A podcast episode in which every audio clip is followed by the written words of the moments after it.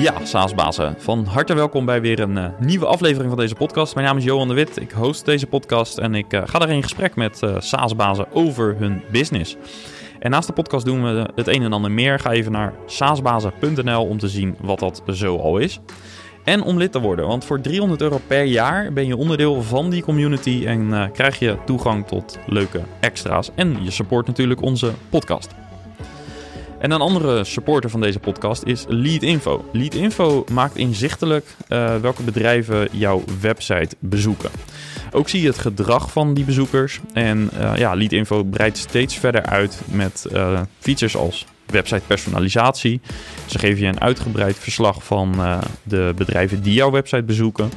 En uh, ja, dat is uiteraard voor een B2B SaaS-oplossing uitermate handig voor zowel marketing als sales. Dus ga even naar leadinfo.com slash SaaSbazen om te zien hoe het werkt.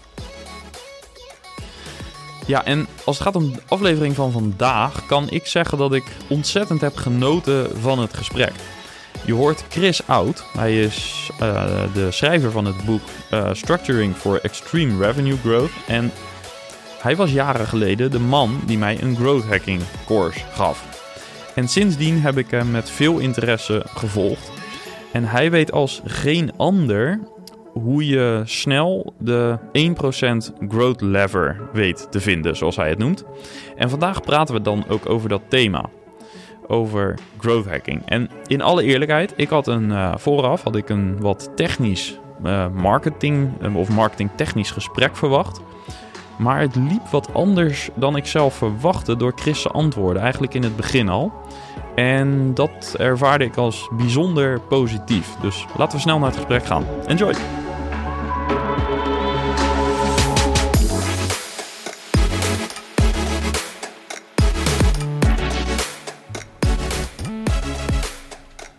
Ja, Chris, welkom. Dankjewel, Johan. Uh, jij bent echt uh, de revenue growth expert. Um, en eigenlijk uh, leek het mij leuk om eens te beginnen niet met um, de vraag ja, hoe je veel omzetgroei kan realiseren.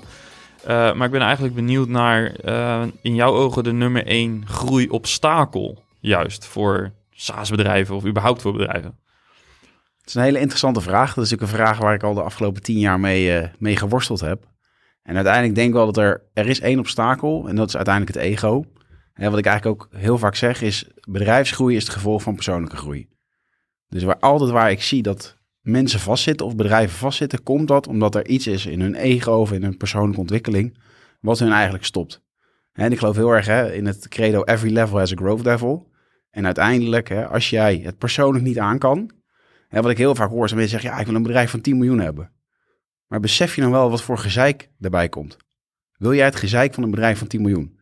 En, en de context waar ik nu bijvoorbeeld in zit, hè, ik heb mijn agency verkocht, vorig jaar gewoon zelf consultancy gedaan.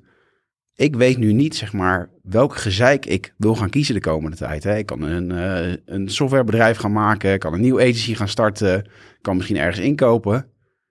Maar op dit moment, ik zit echt met mezelf, nou, ik weet niet of struggle het goede woord is, maar ik ben wel, ik heb mezelf een jaar gegeven om gewoon echt te kijken van, ja, maar Hè, welk gezeik wil ik gaan kiezen? Omdat ik weet dat een doel is leuk. Maar als het gezeik dat daarbij past, als ik dat niet aan kan, of als ik daar geen energie van krijg om maar echt mijn tanden in te zetten, dan gaat het gewoon geen succes worden. Dus heb je een vraag, wat is het grootste obstakel? Nou, eigenlijk het gezeik dat je gekozen hebt, eigenlijk helemaal niet willen. En dat, dat gaat je belemmeren. Ja, dus super persoonlijk. Ja. Het is geen tactic of zo die je vergeet. Het, is, het, het begint, je zit tegen je eigen plafond aan. Ja, en je, Ik, heb het, ik heb het zelf ook van, van dichtbij gezien. Als jij denkt, dat jij de beste bent in sales, dan zal, zal je nooit iemand aannemen die beter gaat verkopen.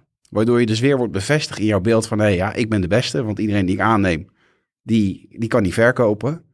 Maar dat is dan, daar blokkeert je groei dan. Ja.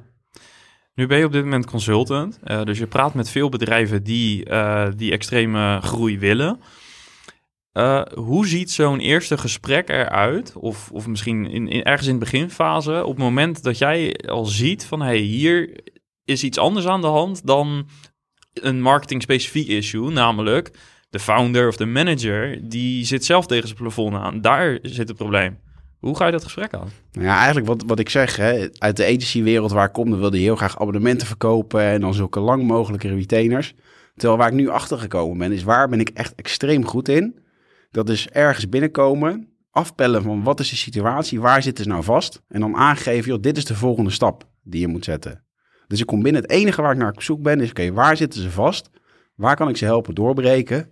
Ja, dat, en dat kan in allerlei dingen zitten. En hè, de filosofie die ik heel erg heb, is dat in elk bedrijf zit een verborgen goudmijn van groei. Alleen heel veel mensen zien hem niet. Dus ik probeer ze heel erg snel te laten zien van, joh, waar zit die kans nou? En dat kan zitten in hè, je, je sales slimmer doen of je marketing op een andere manier opzetten. Maar heel vaak begint het al bij het meest simpele van, hè, wie is nou jouw klant?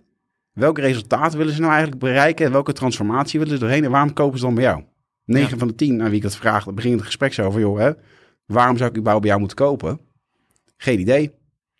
Of andersom, als ik al voel van, oké, hè, de- deze, deze opdrachtgever, die, die heeft een ego-probleem. Nou, dan ga ik al, begin ik al, zeg ik van, nou jongens, volgens mij moeten jullie stoppen met, eh, met dit bedrijf. Ik zie niet hoe dat gaat werken.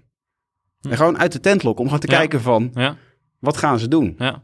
En, En- wat, wat tref je dan typisch aan als je op een gegeven moment... Die, je hebt dan die bottleneck gevonden, want dat is volgens mij waar je naar op zoek gaat. Ja. Dus je hebt die bottleneck gevonden. Ja, wat is je aanpak? Ja, dus, ik probeer inderdaad altijd te kijken. En ik heb dat ook in mijn boek beschreven. Van, hè, door welke lens kijk ik altijd. Hè? Dus een, een heel belangrijk iets is persoonlijke groei van. Wat willen ze nou? Dus heel veel van die trajecten waar ik in zit, daar begin ik niet van, oké, hoe kunnen we dit groeien? Maar ik vraag alleen maar, wat is de stip op de horizon? Hoeveel wil jij als ondernemer per jaar verdienen bijvoorbeeld? En dan zeggen ze, nou, eh, twee ton. Dan zeg ik, waarom geen vijf? Waarom geen miljoen? Waarom geen twee? Om gewoon te prikken van, waar zit het nou en wat willen ze nou echt? En soms komen ze erachter dat ze zeggen van ja, ik wil 2 miljoen per jaar verdienen. Maar uiteindelijk als ik 10k per maand volledig geautomatiseerd binnenkrijg, dan kan ik mijn droomleven al leven. Hm. En dat challenge ik heel erg, maar wat, wat wil je nou echt? Want ik geloof heel erg dat je je optimaliseert voor wat je eigenlijk onbewust gekozen hebt. Dus ik probeer eerst achterhalen van wat is eigenlijk de onbewuste keuze die ze hebben gemaakt. Ja, En dan dat bewust maken van, maar wat, wat wil je nou? Want ik geloof heel erg dat heel veel mensen zeggen dat ze iets willen, maar dat willen ze helemaal niet. En hoe komt dat? Hoe verklaar je dat? Dat is door wat anderen gewoon heel erg bij ze erin rammen. Of het willen laten zien van kijk eens wat ik kan. Bewijs. Ik heb, ook, ik heb ook heel veel dingen uit, uit ego gedaan. Nee, Ik wilde laten zien, weet je, ik doe er toe want ik sta op een podium. Of ik doe er toe omdat ik een boek heb geschreven. Ja, Maar ja, dan heb je dat gedaan en dan, en dan kom je erachter van ja, dat maakt eigenlijk helemaal niks uit. ja. Het is vooral hoe je naar jezelf kijkt. En juist als je vanuit daar gaat starten. En daarom geloof ik heel erg wat, wat ik heb proberen te doen met dat boek. Is gewoon laten zien dat persoonlijke groei. Dat is uiteindelijk, dat is mijn Trojaanse paard. Dat vind ik het allergaafst. En uiteindelijk is een onderneming of een ondernemer laten groeien. Is een heel mooi vehikel waardoor je dat kan manifesteren. ja. Maar dat is, dat, dat is het spel wat je wil spelen. Ehm, ik praat wel eens met ondernemers over persoonlijke groei. En ehm, ik merk dat daar best wel wat mythes soms zijn. Hè? Van, ja, maar ik lees niet, zegt men dan. Eh, wat is jouw antwoord daarop? Want ik denk dan dat, ja, dat, dat kan zo zijn. Maar lezen is volgens mij niet per se de definitie van... En niet de enige methode, maar daar heb jij vast een beter antwoord op. Ja, kijk. Daarbij kan je al afvragen van, hoe graag wil je het dan? Ja, Als jij, het te, als jij het te moeilijk vindt om een boek te lezen. Ik heb op een gegeven moment een periode gehad. Ik was uren en uren per dag boeken aan het lezen, cursussen aan het kopen. Het was gewoon mijn verslaving. Omdat ik zo'n honger had. Ik vond het zo vet om dat te doen. Terwijl op dit moment lees ik bijna niks. maar deed je dat dan vanuit een bepaalde why? En, en hoe zou je die voor jezelf formuleren? Nou, ik denk mijn missie. Ik vind het het allervetst om mensen te inspireren om het maximale eruit te halen. En wat ik het allerleukst vind om het heel concreet te maken. Als ik die spark in iemands ogen zie van... Ik wist niet wat ik moest doen. En nou ineens zie ik het. Dat vind ik het allergaafst. Dus ik ben begonnen met eh, Seven Habits van, eh van Covey. Ja, dat is de, de bijbel van persoonlijke ontwikkeling. Ja, hè? zeker. Ja. Kijk, en je gaat dan op allerlei gebieden. Hè? En, en wat ik altijd heel leuk vond, is als ik in de business ergens mee vast zat. Hè, dus een heel concreet voorbeeld is, hè, ik moest met developers, hè, was met een product bezig. En zij zeiden, ja, maar Chris, dat kan zo niet, of dat gaat zoveel tijd kosten. En ik voelde gewoon van, ja, maar dit is bullshit. Dit kan niet zo lang duren. Nou, en dan ging ik het weekend, ging ik een coding course doen. Hm. En dan kon ik helemaal niet coderen. Maar ik kon ze wel challengen. Oké, maar hoe zit dit dan? Hoe zit dat dan? Of een verhaal wat ik ook in mijn boek heb beschreven. Van, hè, dat ik op een gegeven moment hoorde van iemand van ja, branding is bullshit. Hè, of dat, dat, zij, dat zij tegen me zeiden van oké, hè, als het waren designers. En als ze het niet wisten, als ik zo'n challenge was, was het altijd van ja, maar dat is branding. En toen had ik echt zoiets van oké, maar prima, weet je, geef mij een weekend. Ik ga vijf boeken lezen. Ik duik er vol in. En dan stel je de vraag daarna, oké, maar welke associaties ben je aan het bouwen? Ja. En dat vind ik het allervetst. Door, ik ben door heel die reis gaan. Elke keer als ik ergens mee vastliep, probeerde ik heel snel te achterhalen van nou, wat zijn nou de drie of vijf boeken of de beste cursussen op dat gebied om dat echt te snappen. Dat ik in ieder geval de patronen van hoe zo'n persoon denkt of hoe zo'n discipline werkt, dat ik die al in mijn hoofd heb zitten. Ja, en als je dit zo vertelt, het klinkt heel analytisch. En het, het eh, geeft mij ook het gevoel dat je uh, op bepaalde vakinhoudelijke issues, dat je daar uh, door snel in een hoog tempo te leren, dat je antwoorden kunt vinden. Of misschien beter gezegd, dat je vragen kunt vinden die je uiteindelijk de antwoorden kunnen geven. maar wat nou als het gaat over wat meer persoonlijke motivatie? Eigenlijk, misschien mag, mag ik terug naar jou, Ja, waar, waar je mee begon, naar, naar hoe jij daar zelf, wat je daar zelf over zei. Ehm, even vrij vertaald, dat je zegt van ja, ik, ik, ik wil eigenlijk voor mezelf gaan ontdekken dit jaar ehm, wat mij eh, energie geeft, wat mij voedt, wat mijn volgende stap is. Ehm, hoe ziet dat proces er voor jou dan uit? Want ik denk dat de beste methode om dit punt eh, ja, eh, home te driven Ja. eh, is, is misschien om, jou, om dat te zien hoe jij dat persoonlijk dan doet. Nou ja, kijk, het is wel een, een spirituele inslag, heeft het wel. Hè? Want ik geloof heel erg van, hè, je, je gevoelens die geven eigenlijk al aan van, oké, ga ik ergens een goede kant op of ga ik ergens geen goede kant op? En in business heb ik dat ook heel vaak. Ik heb zo vaak iets verkocht aan iemand of dat we een bepaald iets deden en dan voelde ik al van, ah, weet je, dit gaat gezeik worden. Of dit, weet je, de, ik, ik, ik voel gewoon van, we zijn met iets bezig en het gaat ergens een keer fout lopen. En, en altijd, natuurlijk op het moment dat het niet uitkomt, dan valt het allemaal bij elkaar. Maar ik heb ook heel vaak gehad dat ik voelde van, oké, ik moet deze persoon nu een mailtje sturen. Of die even appen. Gewoon out of the blue. En als ik achteraf terugkijk naar wat de meest impactvolle beslissingen in mijn carrière zijn geweest, waren het dat soort dingen. Dus als je kijkt van, nou, wat is nou mijn proces erin? Is ik probeer gewoon echt hè, de, de tijd te nemen, mezelf ruimte te geven, in plaats van altijd maar door te gaan. En dan gewoon ook echt te voelen van, oké, waar, waar voel ik me naartoe getrokken? Het klinkt opvallend voor iemand die ik als eh, heel erg data-driven zou eh, bestempelen. Ja. Kan je daar iets voor voorstellen? Ja, dat kan ik me heel, heel goed voorstellen. Omdat mensen, ja, ze zetten je toch in een, in een bepaald patroon. Terwijl, Ja, Dus misschien heb ik je in het verkeerde hokje gezet. ja, nou ja, ik, ik weet niet of het het verkeerde hokje is. Maar het is de... Kijk, op een gegeven moment, je merkt dat, dat, dat groei... Hè, je kan met bepaalde tactieken starten. en Je, je, je merkt dat op een gegeven moment ook wel, wel dingen werken. Maar ja, dat is... Als ik kijk naar wat is uiteindelijk de beste groeitechniek... waar haal je het meeste klanten mee binnen... is eigenlijk een heel spiritueel iets. En dat is als je het in Engels zegt, de impression of increase. Met andere woorden, als jij een bedrijf hebt en aan de buitenkant hebben mensen echt zoiets. Je voelt gewoon van daar gebeurt wat. Dat is iets, daar zit tractie. Dan maakt het niet uit of je, je, je advertentie er waardeloos uitziet. Het is ook een bepaald gevo- gevoel hoe je op die timelines voorbij komt. Laat je zien dat je met vette dingen bezig bent. Dat heb ik zelf meegemaakt met hè, het, het laten zien en het delen van oké, we zijn dit aan het bouwen, dat aan het doen. En dat trekt gewoon, dat trekt gewoon mensen aan. Ja, Dus er zitten, er zit een verschillende gelaagdheid in. En als je dat dan weer terug kan brengen tot zijn essentie, hè, dan probeer ik altijd te kijken van wat je hier aan het doen bent. Worden mensen daardoor emotioneel aangetrokken? Eigenlijk wat jij eh, ook zei in, in de introductie van Playbookify. Van ja, marketing is ook emotie. ja, ja. Dus je moet die twee werelden kunnen combineren. En dat is iets, dat is wel een transformatie waar ik zelf doorheen ben gegaan. Eerst heel koud. En dat spelletje heel goed snappen. Ja. Naar, ja, als je koud snapt, dan snap je ook hoe, het, hoe je het warm kan maken. ja. Super gaaf. Ik, eh, ik zou hier een eh, aflevering aan zich over eh, durven maken met je. Omdat ik echt... voor mij vallen er nu alweer kwartjes. En wat is dan het kwartje dat nu valt voor jou? Nou, het, het feit dat eh, waar je mee begon, hè, je persoonlijke ontwikkeling. We zijn eigenlijk heel snel, zodra je een, be- een beslissing hebt genomen om een bedrijf te starten, dan gaat de focus op je product, op je klanten en eigenlijk op de, de dingen waar je direct invloed op denkt te hebben. En dat zijn eigenlijk altijd dingen of de mensen die dat moeten gaan eh, maken, zeg maar. Dus je value proposition, je, eigenlijk je pricing. Je gaat eigenlijk al heel snel naar de praktische dingen. Terwijl het woord gezeik viel in je eerste zin een aantal keren. En in het begin heb je natuurlijk enthousiasme over al die dingen die je gaat maken en de positieve reacties op je idee. Maar uiteindelijk moet je, wat dat is volgens mij ook jouw betoog, je moet de persoon worden die nodig is om dat gezeik, of ook, maar ook de andere dingen aan te kunnen. Is dat ook niet, ik moet een beetje denken aan iemand die de loterij wint en die niet gewend is om met grote bedragen te werken. Hè? Dat wordt ook wel eens gezegd volgens mij. Als je, vanda- als je morgen opeens 10 miljoen op je rekening hebt staan en je bent dat nooit gewend geweest, ben je wel de persoon die dat kan handelen. Zeg Ja. maar da- dat triggert het bij mij een beetje. Nou ja, het is inderdaad heel erg het bewust bezig zijn met welke identiteit van jezelf ga je bouwen en hoe geavanceerder je daarin gaat. Is eigenlijk de, de dingen die mij in het begin van mijn carrière heel erg tegenhielden, was dat als ik met iemand in gesprek zat, dat ik vooral heel erg bezig was om te laten zien hoeveel ik wel niet wist. Ja, ja. En dan werd ik daarna op mijn schouder gelopen. "Joh, Chris, heb je überhaupt al door dat die persoon binnen een minuut al was afgehaakt? ja, ja. Omdat je ze heel erg het gevoel gaf dat ze dom waren. Hm.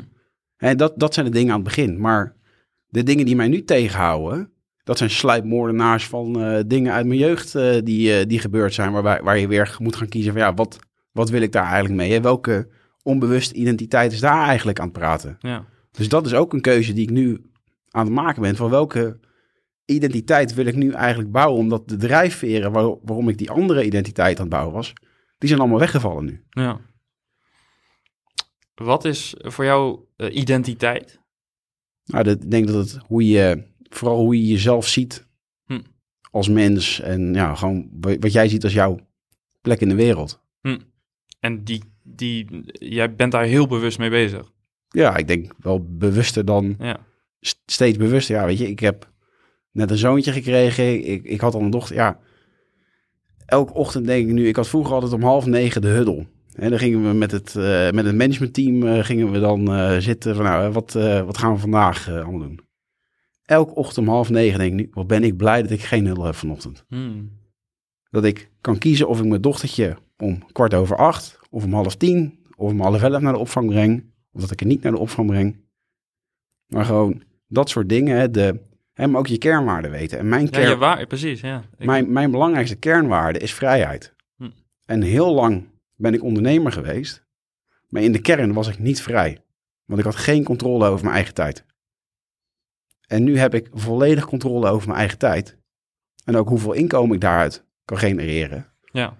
Ja, en dat is, dat is zoveel meer waard. Dus hè, in het kiezen van het gezeik is ook vooral zeg maar van hè, wat, wat wil ik met die vrijheid doen? ja, dus eigenlijk zijn die waarden, die gaan, dat, dat vormt jouw decision filter voor het nemen van de beslissing of je weer een bedrijf gaat bouwen of zelfstandig blijft of wat dan ook. Ja, dus, Ja. dus hè, ik heb letterlijk van de week iets opgeschreven hè, van welk, welk gezeik ga ik kiezen. Hè, maar wat, wat gaat mij de drijven? Hè? Wat wil ik gaan bouwen? Hoe wil ik mezelf gaan transformeren? Ja, En uit een, meer uit een plek van, joh, het is oké zoals het nu is. Waar je vroeger dan dacht van, ja, weet je, ik verdien helemaal niks. Of weet je, ik, ik, hè, ik heb hier vijf jaar over mijn propenduizen gedaan. ja, Dus ik had er wel bewijsdrang om te laten zien van, joh, eh, jongens, eh, ik kan wel wat. Terwijl nu weet ik wat ik kan. Ja, weet je, dan, dan ga je heel anders naar kijken. Want Ja. hè, heel concreet voorbeeld met mijn social media. Als je daarnaar kijkt, je lacht je helemaal kapot. Ik doe af en toe een postje en dat, dat gaat eigenlijk helemaal nergens over. En elk jaar, op 1 januari, denk ik van, nou, ik ga dit jaar ga ik, eh, ga ik eh, vijf keer per week posten. Want ik weet dat dat, eh, nou, dat doe ik drie keer. En daarna heb ik gewoon geen zin meer in. want het is niet belangrijk genoeg voor Maar je. ik vind het niet leuk. Nee, nee. En het is ook gewoon, dus waar ik nu mee bezig ben, is oké, in de toekomstplan die ik heb, wat voor rol speelt dat erin? En hoe moet ik dat dan gaan organiseren, dat ik het wel leuk vind? Ja. En wat bij mij de kern is, alles waarbij het praten is, dat vind ik heerlijk. Du moment dat ik iets moet gaan schrijven, vind ik het verschrikkelijk. Dus het is überhaupt een wonder dat ik een boek geschreven heb. Ja, ja, Maar dat is feitelijk, dat is waar ik het meeste energie van krijg. ja, ja. Hoe eh, zorg jij ervoor dat je op zo'n hoog bewustzijnsniveau blijft eh, werken en denken? Ja, ik denk dat als je eenmaal op een bepaald niveau bent.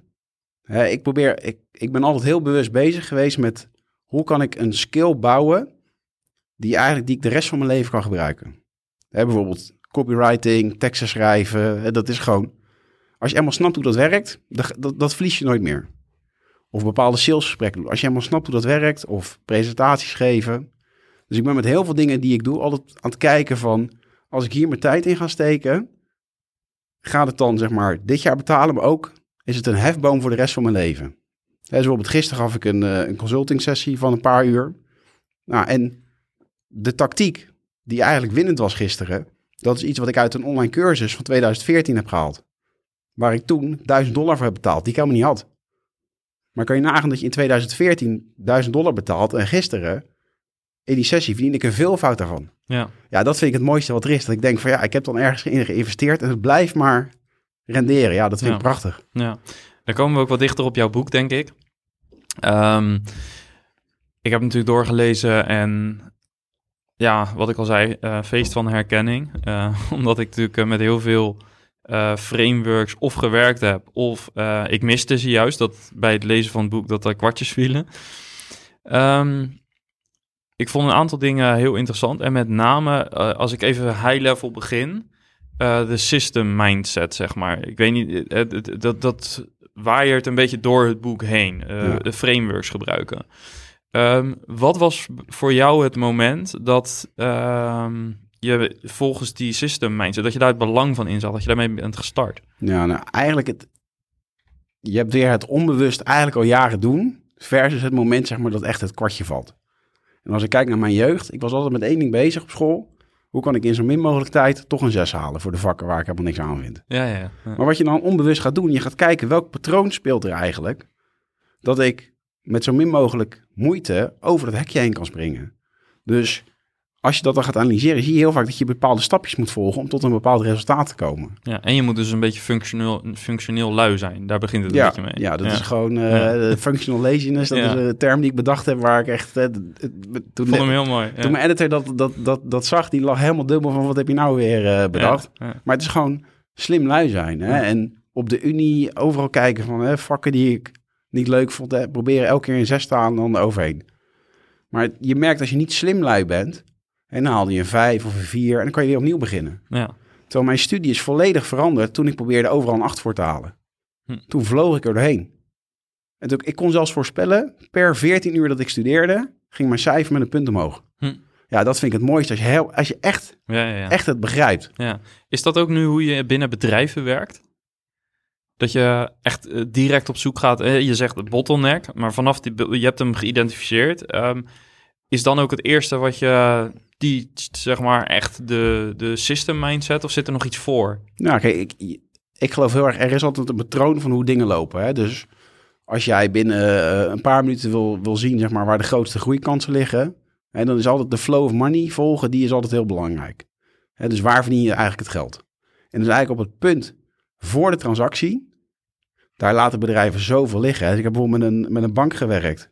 Nou, die hadden denk wel een ton geïnvesteerd in een heel data science model. Hè. Lead scoring aan de voorkant.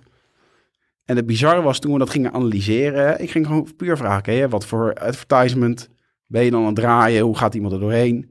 Oké, en als ze dan een offerte hebben gekregen, hoe vaak worden ze dan nagebeld en eh, nagemaild? Oh, ja. ehm, ja, ze krijgen eigenlijk maar één mailtje. Dus aan de voorkant, waar alle gave, sexy dingen zitten, daar zijn we om heel moeilijk en cool aan doen. Terwijl op het moeilijke aan de achterkant, waar je eigenlijk echt het geld verdient, ja, daar, daar zit het niet. Hm.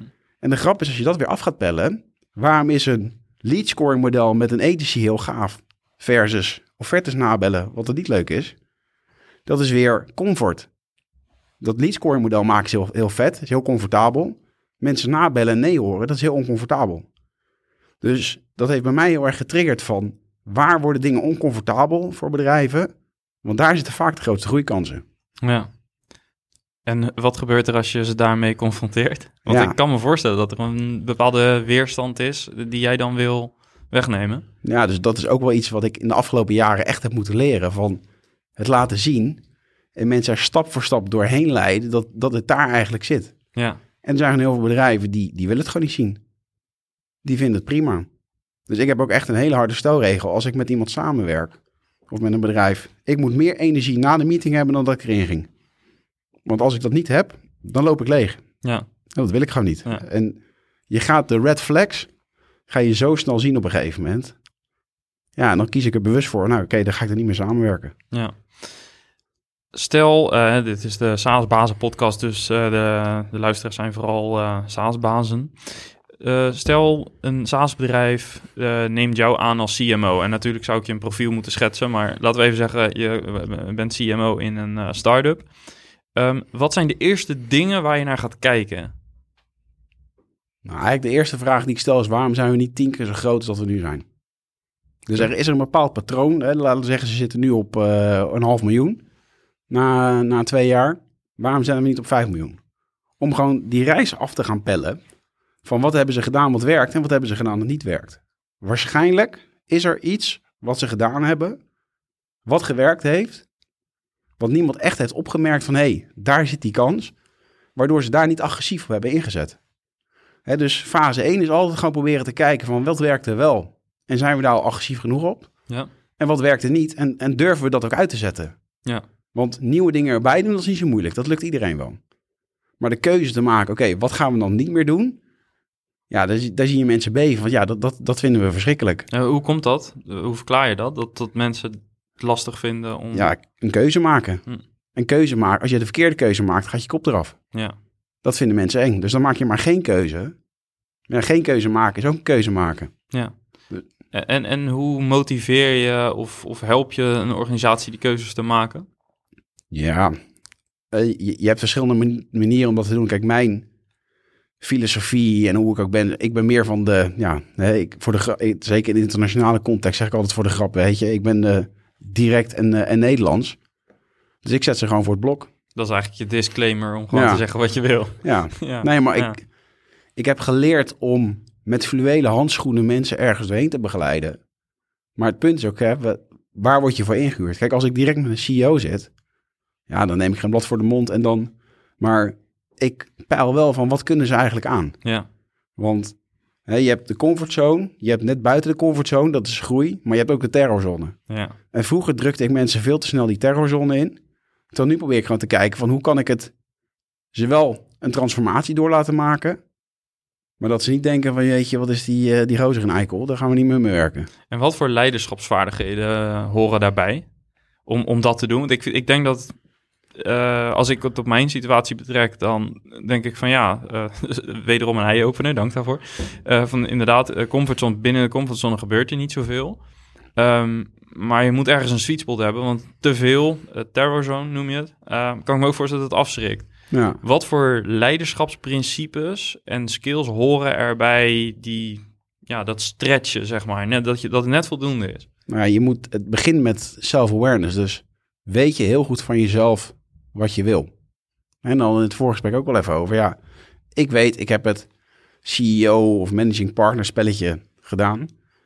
Maar als ik heel eerlijk ben, ik kan het, maar ik word er niet excellent in. En dat komt door bepaalde dingen uit in die rol. Daar vind ik helemaal, daar vind ik niks aan. Nee. En als ik heb mijn bias dat als ik iets niet leuk vind, dan lukt het me heel goed om daarvan af te bewegen. Terwijl het zijn wel dingen die nodig zijn. Dus je moet ook heel bewust zijn van, hè, ik, ik liet de mensen altijd bijvoorbeeld een Colby-test doen. Dat gaat dan over hoe, hoe, hoeveel data heb je nodig om in actie te komen, maar ook met hoeveel open eindjes ben je comfortabel en hoe gestructureerd ben je. Ik wist met een bepaald type profiel, als ik die aan zou nemen, binnen drie maanden burn-out.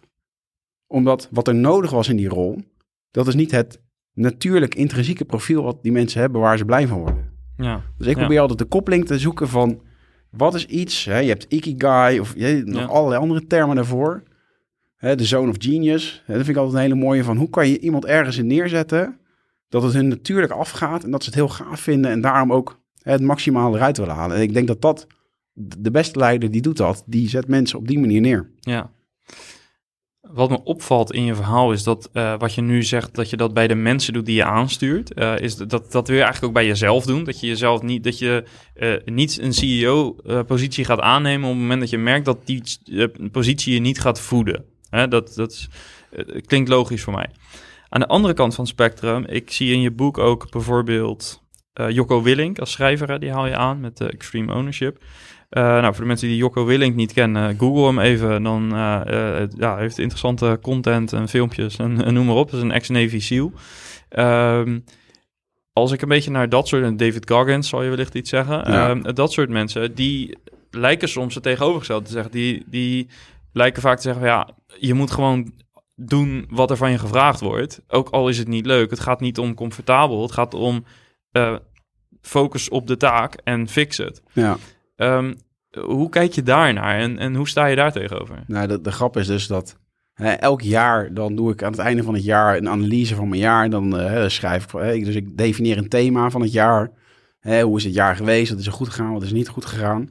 En mijn woord voor dit jaar is extreme ownership. Dus het is heel Ah. grappig dat je dat, dat Ja. aanhaalt. Dus ik ben nu ook weer bezig om allemaal van die Navy Seals boeken te lezen. Om Ja. weer echt goed die mindset zeg maar, voor mijn neus te halen. Maar de, de grap is dus, als je die Seals boeken leest. Het begint ook allemaal met de why. Ja. Hè, want je kan alleen maar jezelf disciplineren als je een hele sterke why hebt. Want discipline is, hè, je zegt nee tegen iets omdat je een groter jaar hebt. Ja. Maar waarom vinden veel mensen discipline moeilijk? Die grote Omdat, ze, omdat ze geen discipel zijn aan Ja. een grote iets waar ze naartoe werken. Ja, Dus ik denk dat je daarmee moet beginnen. ja, Want anders, ik, ik zei net van ja, schrijven vind ik niet leuk. Maar vorig jaar had ik gewoon één doel. Ik ga een boek schrijven. ja. Ja, en dan lukt het dus wel. Ja. Zou het kunnen dat jij uiteindelijk over twee, drie jaar wel weer CEO bent? ehm, en, en dat je daar misschien niet de vrijheid uit haalt die voor je belangrijk is. eh, maar waar je dus met andere woorden een bepaalde why hebt, een bepaalde missie die dat overstijgt. Mm, Zoals ik het nu voor me, kan ik me niet voorstellen. Oké. En dat is gewoon meer omdat, ik heb ook wel veel van die persoonlijkheidstesten gedaan. Ik vind het leuk, hè, mijn profiel is erg quick start. Ik vind het leuk om iets op te zetten. Ja. En daarna kan iemand anders het verder draaien. En ik weet gewoon, ik, ik zal in elk bedrijf dat ik nu start, en er zijn ook een aantal dingen waar ik nu mee bezig ben, ben ik al van tevoren aan het denken, maar wie kan ik het laten leiden? Ja. Want ik weet, mijn sweet spot zit in elke week of elke twee weken of elke vier weken weer binnenkomen. Mensen inspireren of gewoon hè, zien wat er moet gebeuren. Ja. En daarna ook heel snel weg, want dan ben ik gewoon op mijn best. Ja, check. Ik kan het niet laten om de vraag te stellen van, joh, wat is nou de ene procent die ervoor zorgt dat je nou ja, naar de extreme groei gaat? Eh, Is natuurlijk een grote vraag, maar eh, hoe zou je hem beantwoorden? Ja, kijk, de, ik heb dan de, de 1% die voor 50% zeg maar, voor de impact eh, zorgt. Dus de achtergrond daarvan is eigenlijk Pareto in het extreme. 80-20. Ja, want Pareto is 80-20. zeg maar. Nou, Ja. als je dat drie keer doet, dan kom je dus op 0,8% van de dingen die je doet zorgen voor 51,2% van de output. Dus ik denk van nou, laat ik het makkelijk maken. 1, 1% die voor Ja. 50% van de impact zorgt. Maar het punt is, hè, je had het ook al over, welke vragen stel je? Juist jezelf de vraag stellen van, het is gewoon wiskundig hier aan de gang, dat er 1% is van de dingen die ik doe, die voor 50% van de impact zorgen. Juist met die vraag al naar de situatie kijken, zorgt er al voor dat je dingen gaat zien die disproportionele impact hebben. Want dat is uiteindelijk wat je wil. Ja. Je wil de dingen vinden dat als je daar gaat draaien, dat die relatief meer impact maken. En een geavanceerdere theorie is hè, die theory of constraints. Dat gaat er eigenlijk over dat je moet gewoon throughput genereren. Hè. Je, er komt iets binnen, je hebt bepaalde middelen, je hebt bepaalde assets. En daar kan gewoon maar een bepaalde omzet doorheen. En dat wordt geblokkeerd door één ding. Ja. Als het ware als het een fabriek is. Er is één machine die de rest eigenlijk tegenhoudt. Ja. Vind die machine en je laat het bedrijf groeien. ja. En wat is je framework om die te vinden? Ja, eigenlijk weer die, weer die flow of money. Hm, Dus gewoon heel goed snappen van hoe zijn we hier geld aan het verdienen en waarom kan daar niet tien keer meer doorheen. Hè? Dus die revenue stress test. Hè? Dus jezelf afvragen als we morgen tien keer zo groot zouden zijn, waar zou het dan allemaal kapot gaan? Ja. Ja. Ja. en, en dan ga je het gewoon zien. Ja, daarmee identificeer je het. Ehm, hoe los je het vervolgens op? Dat is natuurlijk ook weer een algemene vraag, want het ligt natuurlijk heel erg aan de situatie. Maar is daar, zijn daar bepaalde fundamentele principes die je daar kunt eh, toepassen? Ja, eigenlijk de, waar ik heel erg fan van ben, is het dat soort dingen in een pressure cooker doen. Dus dat je zegt van nou, hè, we hebben nu iets geïdentificeerd, waardoor we bijvoorbeeld een constraint hebben. Nou, hè, ik heb bijvoorbeeld ook met een SaaS-bedrijf dat gedaan. Hè. Ze zeiden van nou, hè, wat, hoe kunnen we de hoeveelheid leads in een maand vertienvoudigen? Terwijl dat was het bedrijf was al jaren bezig. Maar juist door er zo'n pressure cooker op te zetten, je hebt maar een maand, dan heb je geen gouden hoer meer van, hè, zullen we dit gaan doen, zullen we dat doen? Nee, het is gewoon bam, bam, bam, oké, we gaan het doen, actie. En juist die bias naar actie, dat zorgt ervoor dat je gaat leren wat wel werkt en wat niet werkt. Dus juist kort op de bal, korte timelines en uiteindelijk het gewoon gaan doen. En dan leer je wel of het werkt of niet. Ja, dus ook experimenten. Ja, Eh, Wat is, de, wa- wat, is aan jou, wat is jouw advies aan SaaS-bedrijven die luisteren die met die experimenten aan de slag gaan? Hoe, hoe, hoe incorporeer je dat in een organisatie? ja kijk, het, het, wat ik heel vaak hoor van bedrijven die beginnen met experimenteren, is dat ze zeggen van ja, Chris, we willen wel experimenteren, maar de experimenten moeten wel werken. de eerste moeten wel werken, hè? want ja, anders hebben we geen buy-in en zo. Hè. Dus Maar de hele filosofie van een experiment is dat je niet weet Nee. of het gaat werken. Nee. Je- ik zou zeggen, je minimale uitkomst is dat, het, eh, dat je leert. Ja, het, het, het belangrijkste is dat je leert, maar ook dat Ja. je gewoon focus op, hè, eigenlijk uit de lean startup, wat is de meest risicovolle hypothese waar je nu tegenaan loopt? Ja, Dus het slim kijken, wat ga je experimenteren, maar ook beseffen dat alles een experiment is. ja, Hè, vandaag deze podcast, ik ben dingen nu op een bepaalde manier aan het verwoorden. Op een manier die ik nog nooit gedaan heb. Dat is een experiment. ja, Dus als jij jouw brein al getraind hebt van nou, alles wat ik doe is een test. En als iets werkt, doe ik het meer van. En als iets niet werkt, dan probeer ik te analyseren waarom dat is. En dan probeer ik dat weer opnieuw te doen. ja, Dus het is echt die mindset van alles is een test. Want jij weet niet wat er gaat werken. Dat geloof ik heel erg. Ik probeer daarom ook heel veel dingen, omdat ik gewoon kijk. Hè, wat sticks, wat werkt wel, wat werkt niet. Omdat de belangrijkste fout die ik in mijn ondernemerscarrière gemaakt heb, is dat ik een jaar lang aan een product heb gewerkt, waarbij ik zeker wist dat het zou gaan werken. Terwijl als ik het had gedaan zoals ik het nu zou doen, zou ik er binnen een dag achter komen dat het werk gaat nooit werken En hoe zou je het nu doen? gewoon kijken van, hè, wat, dat was een, een, een platform waarbij eh, consumenten tv-reclame konden terugkijken in ruil voor korting. Wij wisten helemaal niet dat we daarvoor bij de mediabedrijven moesten zijn. Dat zij zeg maar controle daarover hadden. Dus überhaupt het feit dat je niet weet wie het beheert, ja, dat, dat zou al een hele sterke hint moeten zijn. Van, joh, moet je hier überhaupt je handen wel aan, eh, aan branden? Ja, Dus waardoor zijn we toen op een gegeven moment mee gestopt? Omdat die mediabedrijven zeggen, ja, maar dit gaan we nooit doen. Maar toen hadden we het hele platform al gebouwd. ja, Terwijl, hè, waar ik nu heel erg in geloof, en dat is denk ik hè, wat ik ook in mijn boek heb gezegd, is dat softwarebedrijven moeten eigenlijk consultancy skills leren. De grootste fout die veel te veel bedrijven maken is programmeren voordat ze snappen of het werkt of niet. ja. Ik heb heel weinig dingen opgeschreven voor dit gesprek. Ik heb wat notities gemaakt, maar ik, eh, ja, ik vertelde je al, ik probeer gesprekken een beetje open in te gaan en niet eh, te veel vragen te formuleren. Maar eentje die zeker op mijn lijst stond. Ehm, ik kijk nu op mijn iPad, even kijken waar die precies staat. Ja, ehm, in je boek eh, luidt een van de titels: Softwarebedrijven moeten werken aan consultancy skills. Kun je de gedachte achter dat statement uitleggen? Want daar ben ik mateloos benieuwd naar. Ja, dus hè, binnen software heb je natuurlijk heel veel edge cases. Hè, van hè, mensen proberen het platform op een bepaalde manier te gebruiken en dat is dan net niet van hoe het bedoeld is. Nou, wat is dan de bias waar je heel vaak ingaat? Is dat je dat weer gaat programmeren, dat, dat ze dat ook nog kunnen. Maar wat je dan doet, is ga je een heel erg grote wildgroei van je platform creëren. Dus ik heb ook bijvoorbeeld bij een SaaS-bedrijf gezeten. Zij hadden voor zes verschillende type klanten, zes verschillende soorten, zeg maar, staging.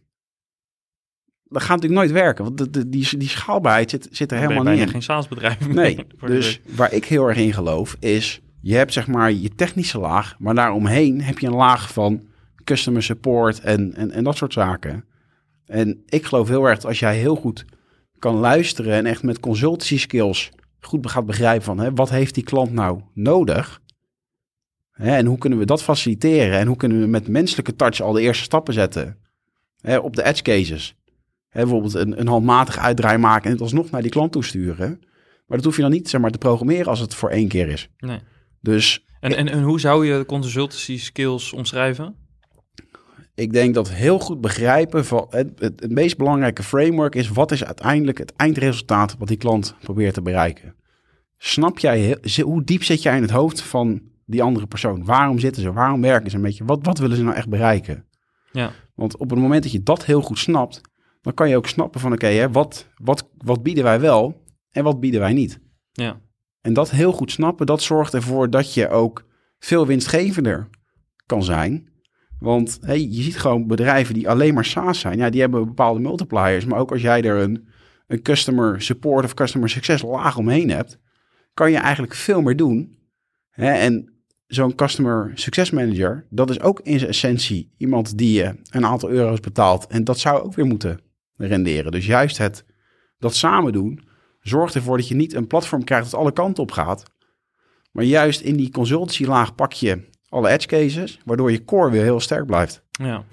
Heb je ook adviezen voor eh, de organisatorische inrichting? En dan heb ik het over de manier waarop je bijvoorbeeld je team samenstelt. Een beetje traditioneel gezien, zeg maar marketing, sales, support, customer succes. Ehm, heb je ook tips voor SaaS-bedrijven om dat anders in te richten? Dus minder bijvoorbeeld die silo's? Ja, kijk, vanuit de growth hacking filosofie waar ik vandaan kom, is natuurlijk heel erg die groeiteam eh, gedachte heel erg belangrijk. Hè, waarbij je dus gewoon één persoon eindverantwoordelijk voor groei hebt. En het hele team moet daaraan aan bijdragen. Hè, vanuit idee-generatie tot bouwen. En wat je ziet is dat inderdaad te weinig silo's met elkaar verbonden worden. Hè? Dus ik was altijd heel groot fan ervan om customer service, business, sales ook bij die teams te betrekken. Dat ze ook in die prioritering meegingen, maar dat ze ook van elkaar gingen snappen wat werkte wel en wat werkte niet. Ja, En dat, dat afdwingen als, als leider, dat is denk ik het, het allerbelangrijkste. Hè? Laat, die, laat het team het maar met elkaar oplossen. ja. Dus een, eh, meer een revenue team en iets minder marketing, sales, custom succes en alles los. Ja, die losse silo's, daar, daar geloof ik niet in. Want hè, wat, als iets bij marketing werkt, hè, meer leads, zijn die leads beter.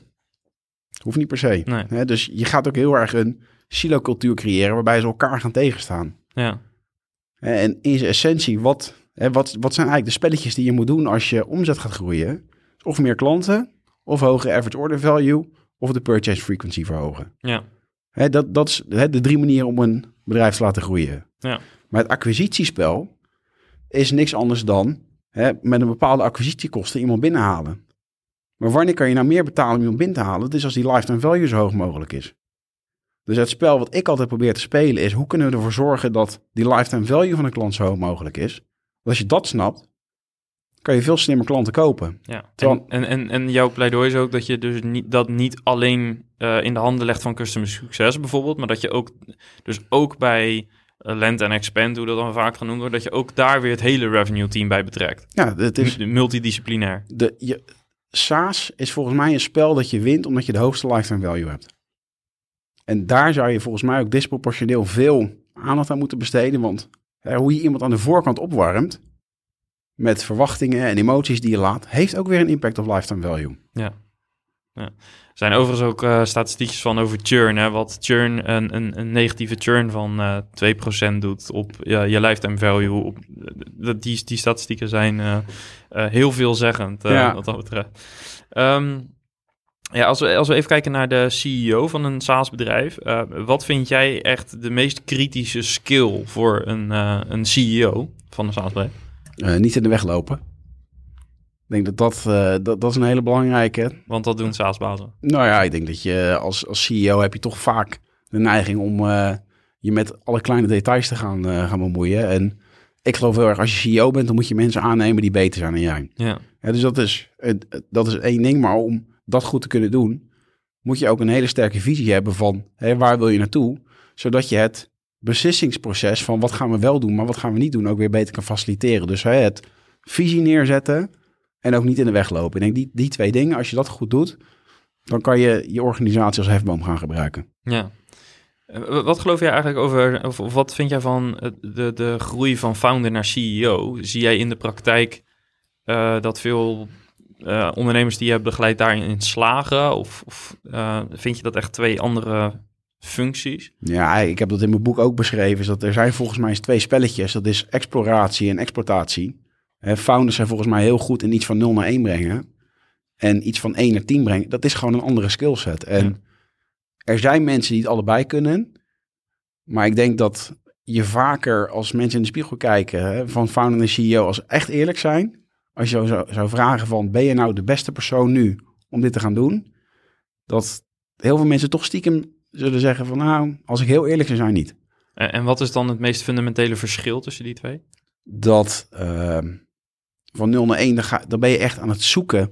Hè, wat, wat werkt nou echt? Terwijl van 1 naar 10, dat is operational excellence. Dat is veel meer standaardiseren, structureren.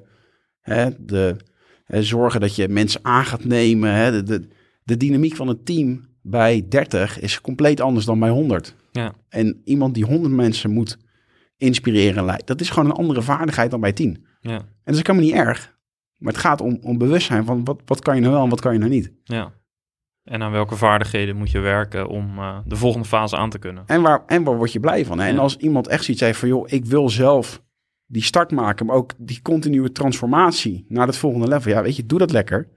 Als je daar blij van wordt, dan moet je dat zeker doen. Ja. Maar dat is ook een, een challenge. Ja, en dan moet je dus steeds jezelf ontwikkelen. Ja, en dat, Ja. dat zijn dus dingen. Hè.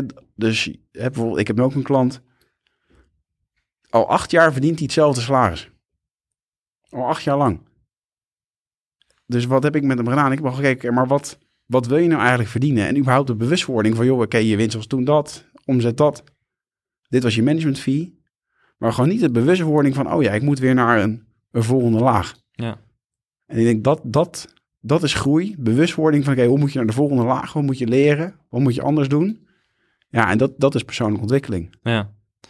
Nu schrijf je in je boek ook over een aantal coaches die jij hebt. Uh, wat voor uh, rol spelen die coaches voor jou?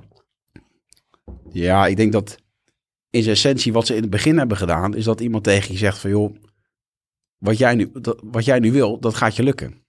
En ik denk dat dat, dat is wat, wat heel veel coaches eigenlijk al doen, zeg maar. Gewoon het feit dat er iemand met je meekijkt, dat is al een bepaalde vertrouwensboost waardoor je in actie komt. En dus eigenlijk waar ik zelf twijfelde, zeiden zij van joh Chris, weet je, dat, dat lukt wel. Maar juist ook omdat iemand anders het al gedaan had en je van die weg kon leren, kan je zelf ook weer sneller actie nemen. Dus het is voor mij heel impactvol geweest. Ja. En nu kan je die rol doorgeven naar uh, andere ondernemers. Ja, en, en, dat, en dat vind ik heel leuk. Hè. Eigenlijk het, het leukste spelletje vind ik een moeilijke challenge. Uitvogelen hoe het werkt. Wat zijn de principes? Dat weer doorverpakken en dan weer anderen ermee inspireren. Ja. Als we tot slot nog even kijken naar je boek. Um, wat heb je geleerd van het schrijven van het boek, zelf persoonlijk? Wat, wat, wat is voor jou persoonlijk de meest interessante les eruit? Um, nou, überhaupt dat ik het kan.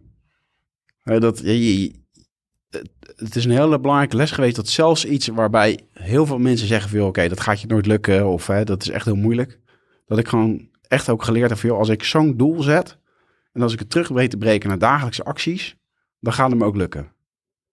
Maar ik denk ook van, hè, de, een, een heel sterk punt van verbetering is veel meer storytelling had erin gemoeten. Hè, dus ik heb wel proberen verhaal erin te zetten. Maar waar ik zelf altijd vind, hè, de andere mensen, het is heel erg actiegericht. Denk ik zelf van, nou, het is wel redelijk conceptueel. Want ik had nog echt tien dingen beter kunnen doen. Hm. Dus dat is altijd de strijd, zeg maar. Van, het, is heel, het is heel raar omdat je jezelf zo snel ontwikkelt. En zoveel op zoek bent naar nieuwe dingen. Dat ik nu eigenlijk, en dat het is eigenlijk heel slecht om te zeggen, maar de helft is al achterhaald. Hm.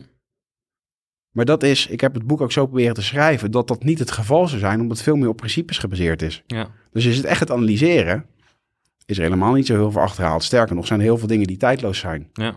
Omdat je constant maar blijft challengen, ga je ook veel te snel denken van ja, oké, dit had beter gekund, dat had beter gekund. Dus ook weten van oké, het is goed genoeg.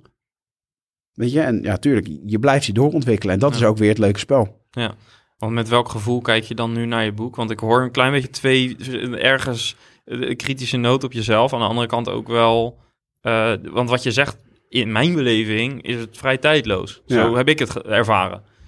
Uh, er staan heel veel dingen inderdaad die heel erg gewoon rusten op, op principes. En het is niet een actielijst of zo van je moet nu dit doen. Het is, ik, je kunt het volgens mij, als je het als lezer, als je je inspant als lezer, kun je volgens mij uh, vrij tijdloze principes uithalen. Oh, ja, oh dat zeker. Dat geloof ik zeker. Alleen het, ja, het punt is, hè, bijvoorbeeld, ik geef ook bij verschillende business schools uh, les. En vorig jaar was ik dan in de top 10. Ja, dus, dan zit ik echt van, oké, weet je wel, de, welke tweaks kan ik nog doen om het gewoon, weet je, naar nog hoger... Want dat, dat vind ik gewoon gaaf, hè. En je, doordat je het boek geschreven... Ik denk dat is misschien hè, de les. Ik heb het boek geschreven, daardoor ga je een bepaalde denkrichting in. En omdat je nu honderden keren erover gepraat hebt met mensen... zie je eigenlijk weer waar de nuances nog meer impactvol kunnen zijn. Hm. En ik denk, dat is eigenlijk misschien wat ik wilde zeggen van de fundering is heel sterk, maar ik zie nu ook weer welke nuances het nog beter kunnen maken. Ja, en, en dat is gewoon iets, ja, als je dit soort dingen op het hoogste niveau wil doen, dan, dan, dan zijn dat de elementen waar je mee blijft spelen. Maar ja, ik denk, hè, ik, ik heb mezelf altijd de vraag gesteld, als iemand 30 euro voor dit boek betaalt, kunnen zij er dan met hun bedrijf meer dan een ton uithalen?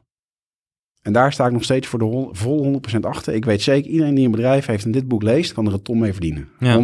100%. Ja. Um, tot slot, uh, welke vraag zou een SaaS-baas zichzelf eigenlijk elke dag moeten stellen? Hmm. Word ik hier wel blij van? Want uiteindelijk, als je te vaak nee zegt, dat, dat, dat gaat overal in doorcijpelen. Ja. En als je er niet blij van wordt, keuzes durven maken. En als je er wel blij van wordt, vol erop inzetten. Ja is mooi afsluiten. En het cirkeltje is rond, zo voelt hij voor mij. Ja, denk ik ook wel, ja. Yes. Of is er nog iets wat je wilde delen wat ik niet gevraagd heb? Misschien eh, over een concept uit je boek? Of... Nee, ja, ik denk hè, het belangrijkste, dat hebben we gewoon geraakt. En ik, ik hoop dat ik mensen ook heb mogen inspireren van hè, dat het over extreme groei gaat. Dat je een structuur daarvoor op moet zetten. Maar dat het uiteindelijk ook een keuze is van wat wil ik nou eigenlijk? En dat persoonlijke ontwikkeling daar een hele grote hefboom op is. En als je het niet wil, is ook goed. Maar als je het wel wilt, dan zijn dit hele sterke tactieken die je kan gebruiken en principes. Ja, mensen kunnen het boek kopen via onder andere Managementboek. En uh, als ze met jou in contact willen komen, wat is de makkelijkste methode? Lekker op LinkedIn een berichtje sturen. Chris Hout. En dan uh, vind ik alleen maar leuk om te lezen. Uh, reviews mag altijd. Maar ja, ik vind het leuk om met mensen kennis te delen en, en kennis te maken. Dus voel je altijd vrij om een berichtje te sturen. Top. Nou, ooit was jij mijn growth hacking docent. Dat is heel lang geleden. Een keer een training bij je gedaan. En sindsdien heb ik je met heel veel plezier gevolgd. En nou ja, ook voor de luisteraar, als je inderdaad met een revenue issue zit, of misschien wel een van de andere issues die ter sprake is gekomen, dan zou ik adviseren om in ieder geval het boek te kopen en ook even een outreach te doen. Dus thanks dat je je verhaal wilde delen. Heel tof. Dankjewel, Jan. Thanks.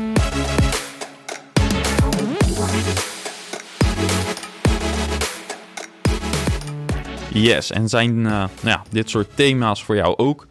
belangrijk. Persoonlijke ontwikkeling, growth hacking en de relatie daartussen. Schrijf je in voor uh, onze community. Ga naar saasbazen.nl om een lidmaatschap af te sluiten. En uh, daarmee kom je in contact met andere SaaS-bazen zoals jij.